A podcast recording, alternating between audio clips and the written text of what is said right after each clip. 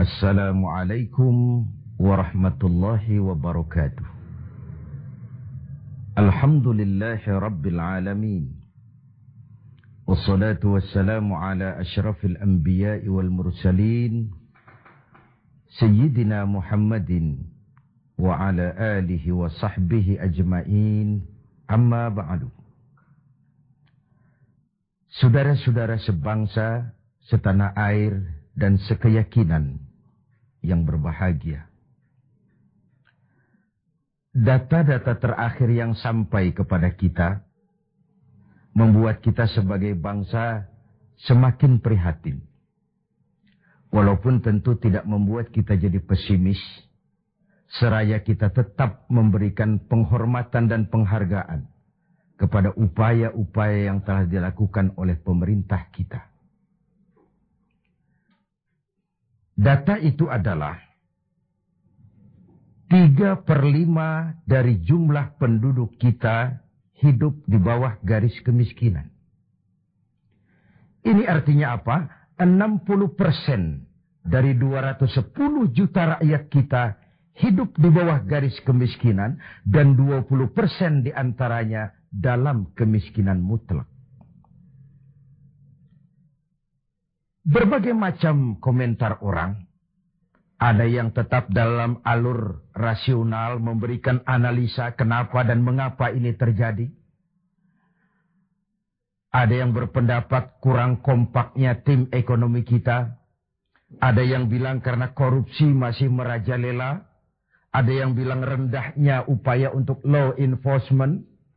Ada yang lebih cenderung mencari kambing hitam menyalahkan masa lalu. Namun realitasnya kemiskinan itu tetap berjalan. Tetap berlangsung. Sementara kita harus melakukan upaya-upaya di dalam alur kebersamaan terhadap kondisi yang dihadapi oleh mayoritas bangsa kita ini. Pada jumpa ini saya ingin menyampaikan sebuah hadis yang diriwayatkan oleh Imam Al-Hakim. Rasulullah sallallahu alaihi wasallam bersabda, arba'un. Man kunna fihi nasyarallahu rahmatuh. Wa adkhalahu jannatuh. Ada empat hal. Siapa saja yang mempunyai keempat hal ini, Allah akan pancarkan rahmat kepadanya. Allah akan pancarkan kasih sayang kepadanya. Dan dimasukkannya orang itu ke dalam surga. Mari kita lihat semua kita termasuk salah satu saja dari empat hal yang dibicarakan ini. Yang pertama, man awa miskinan. Orang yang memberikan perlindungan, memberikan tempat tinggal, menaungi orang-orang yang miskin. Allah melebihkan rizki sebagian kita dari yang lain. Agar dalam hidup terjadi take and give. Karena bagaimanapun kita ini saling memerlukan. Tidak ada orang hebat yang bisa hidup sendirian. Betapa dan siapa pun kita, kita memerlukan yang lain. 60% rakyat kita hidup di bawah garis kemiskinan dan bukan mereka punya mau. Padahal subhanallah, kita diberikan negara yang begini kaya, hijau, ranau, subur, makmur. Bumi kita mengandung gas, batu bara, minyak, laut kita kaya, hutan kita kaya. Negara kita kaya dan penduduk kita miskin what's wrong. Tapi pertanyaan ini bisa mengundang berbagai macam polemik. Oleh karena itu, saya ingin mengetuk hati kita semua. Allah akan memancarkan rahmatnya kepada orang-orang yang santun. Berpihak kepada orang-orang miskin. Hukum sering tidak berpihak kepada kemiskinan. Kebenaran sering tidak berpihak kepada kemiskinan. Sehingga dengan demikian tersudutlah dia di pojok-pojok kehidupan. Padahal ini masalah kita bersama. Sementara Rasul dengan tegas memperingatkan, Wallahu fi aunil abdi, madamal abdu fi auni akhi. Allah akan selalu menolong seorang hamba, selama hamba itu masih mau menolong saudaranya. Jikalau kita sudah tidak punya kepedulian kepada saudara-saudara kita yang hidup di bawah garis kemiskinan. Jikalau kita biarkan mereka meratap dalam keputusasaan, jangan heran Allah juga tidak akan pernah peduli dengan kita. Sementara kemalangan apa yang lebih besar dalam hidup ini kalau Allah sudah tidak mau peduli dengan kita lagi. Rumah-rumah singgah tetap diperlukan. Pemandangan sehari-hari kita lihat anak-anak kita dalam usia sekolah. Terpaksa harus berjemur panas terik, terguyur hujan, tidur di tepi-tepi jalan. Oleh karena tekanan kehidupan. Oleh karena sulitnya lapangan pekerjaan. Oleh karena kemiskinan-kemiskinan yang dialami. Dan itu semua menjadi tanggung jawab kita untuk berbagi dalam kondisi yang seperti ini. Saudara-saudara sebangsa, setanah air, dan seiman yang tercinta. Dengan semangat ini, boleh jadi baju di rumah kita sudah tidak ada artinya. Tetapi ketika kita berikan kepada mereka, akan jadi besar artinya buat mereka. Sementara di rumah kita sendiri, kita sudah hampir lupa ada baju itu. Tidak tersentuh sama sekali. Beratkah kita memberikan sesuatu yang di tangan kita sudah tidak begitu berarti? Sementara akan jadi pengarti yang paling besar bagi orang lain. Satu sisi ada orang sakit perut karena kekenyangan. Sisi lain orang merintih karena kelaparan. Tidak bisakah kita menyisihkan sebagian saja supaya kita tidak berlebihan dan tetap sehat. Sementara yang lain juga tetap tidak merintih kelaparan karena kekurangan makan. Kemiskinan merupakan musuh kita yang paling utama. Dan biang keladinya adalah belum stabilnya perekonomian kita. Penyebabnya bisa bermacam-macam. Karena kurang kompaknya tim ekonomi kita, iya. Karena warisan hutang, iya juga. Baik hutang pemerintah maupun hutang swasta. Karena orang-orang para pemimpin kita belum mampu melakukan terobosan-terobosan ekonomi yang menggembirakan. Iya juga. Tapi rakyat kita sesungguhnya. Kita lihat. Di lintasan pintu kereta. Itu kadang-kadang penjaga pintu juga. Uh, kereta masih di mana-mana. Pintu sudah ditutup. Panjang sekali antrian itu. Truk, bus, sopir-sopir keringetan. Setengah jam nunggu kereta mau lewat. Ketika lewat keretanya memang sebelas gerbong. Panjang sekali. Si sopir truk, si sopir bus, si kenek yang kekeringatan itu. Oh, pantas saja lama kita menunggu sampai keringetan. Um, keretanya yang lewat panjang betul. Ada kepuasan batin. Sebaliknya bayangkan. Sudah setengah jam nunggu keringetan, kepanasan, haus, mencekik leher. Antrian mobil panjang di lintasan pintu kereta. Begitu lewat, yang lewat ini cuma lokomotif. Nyumpah-nyumpah kenek-kenek sopir sialan. Dikira apa setengah jam kita nunggu cuma begitu yang mau lewat. Ini artinya apa? Secara psikologis, rakyat kita ini mau menunggu. Rakyat kita ini mau berkorban. Rakyat kita ini mau memberikan apa yang mereka bisa untuk sesuatu yang besar, untuk sesuatu yang monumental, untuk sesuatu yang bisa merubah keadaan mereka. Jangan biarkan rakyat kita menunggu dengan kecewa karena begitu lama menunggu yang lewat cuma lokomotif. Cuma kepala kereta yang lewat. Mereka merasa penantian setengah jam sia-sia. Pengorbanan peras keringat, haus mencekik leher. Jadi konyol ketika yang lewat cuma sebuah lokomotif. Begitulah. Kadang kita masih terkontaminasi oleh pola lama. Sebagian dari pemimpin kita masih memandang bahwa jabatan itu fasilitas dan kekuasaan. Lebih celaka lagi bahwa jabatan adalah jalan pintas untuk menuju kaya.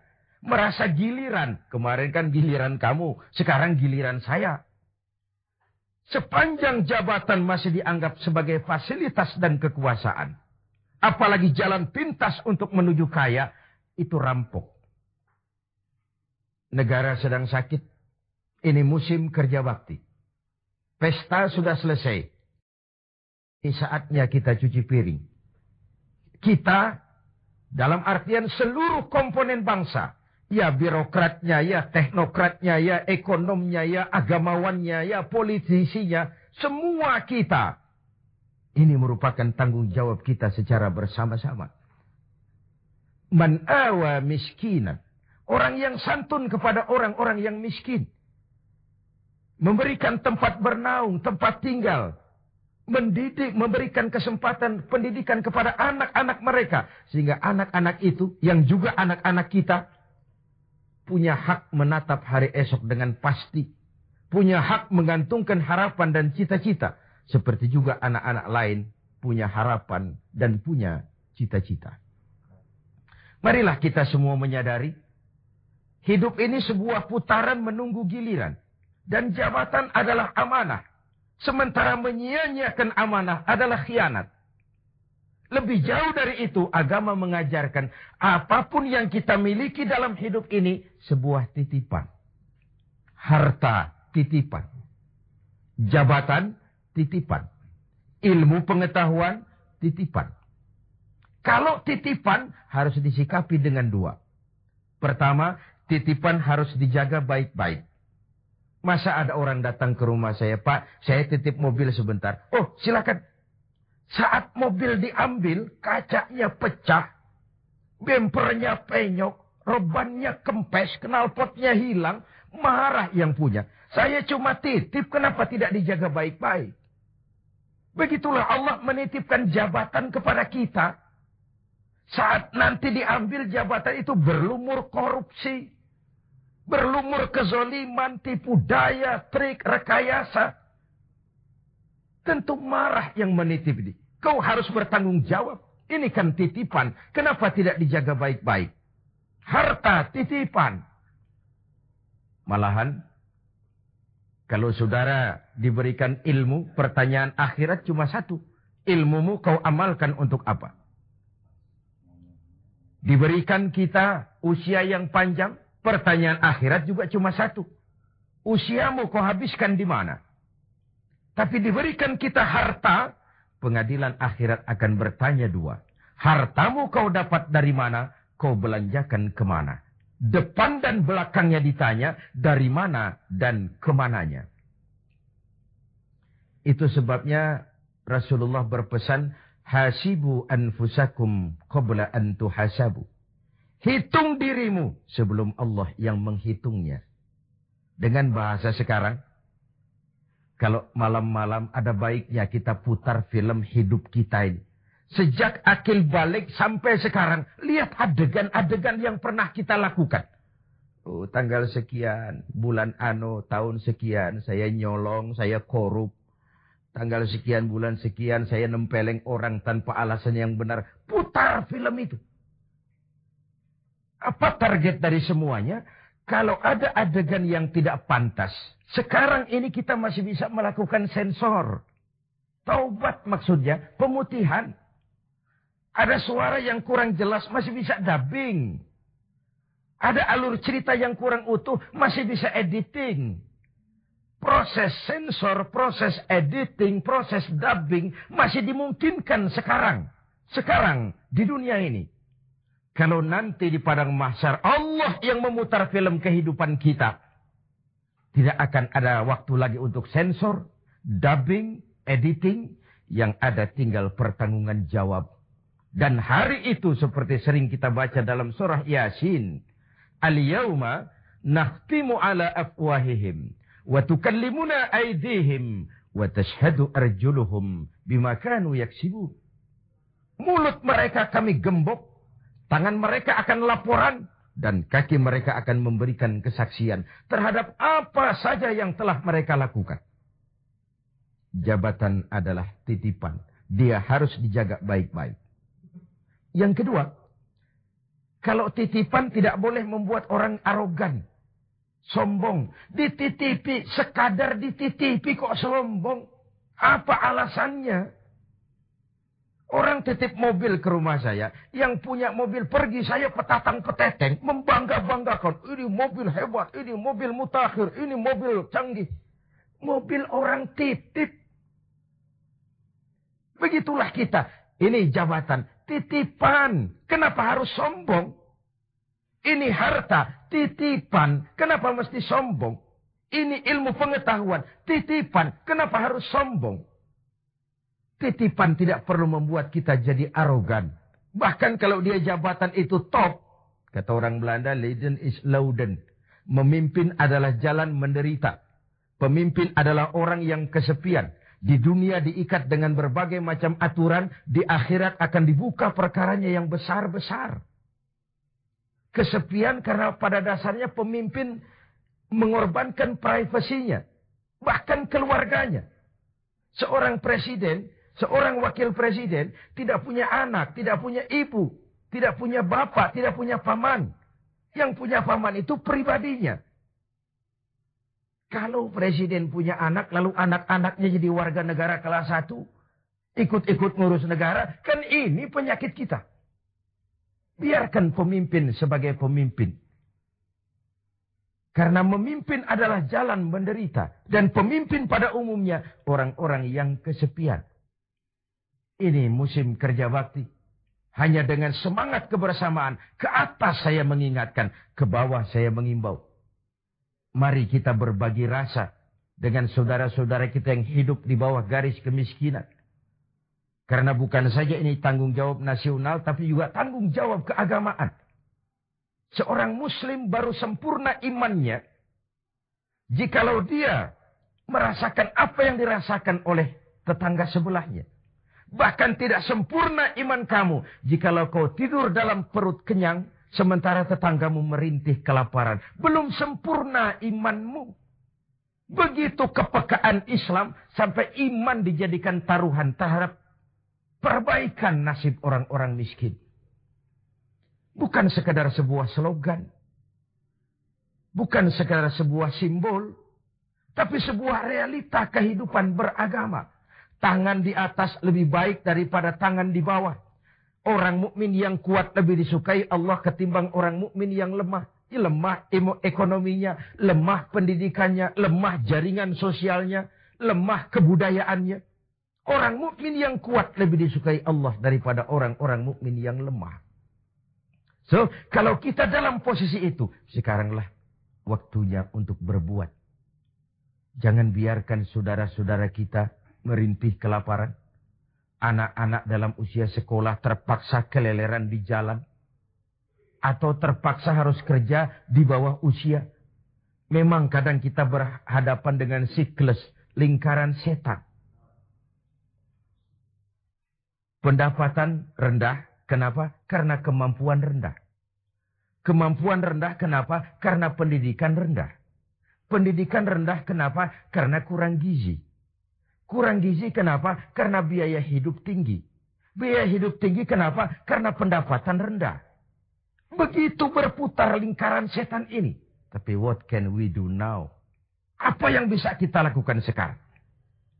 Buat tetangga kita, buat masyarakat lingkungan kita, Setidaknya man awa miskinan. Orang yang menolong orang-orang miskin. Memberikan tempat tinggal. Melindungi mereka. Akan dipancarkan rahmat Allah kepada mereka. Kasih sayang Allah akan berlimpah. Si miskin mungkin tidak akan bisa membalas. Tapi Allah. Allah akan memberikan balasan. Melalui jalan yang tidak pernah kita sangka. Ketimbang kita mencari kambing hitam Oke lah, yang salah tetap salah. Tapi kan dengan argumen, bukan dengan sentimen. Untuk menegakkan kebenaran, bukan untuk menang-menangan. Zakalik, tidak personlik. Menyentuh dan bukan menyinggung. Biarkan hukum tetap tegak. Biarkan penataan ekonomi kita tetap profesional. Sementara kita yang oleh Allah diberikan sedikit kelebihan sedikit kemampuan, mari kita berbagi untuk mengatasi persoalan bangsa yang memang berat ini. Ini yang pertama. Yang kedua, orang yang akan dapat pancaran rahmat dari Allah itu warahimat dha'ifa.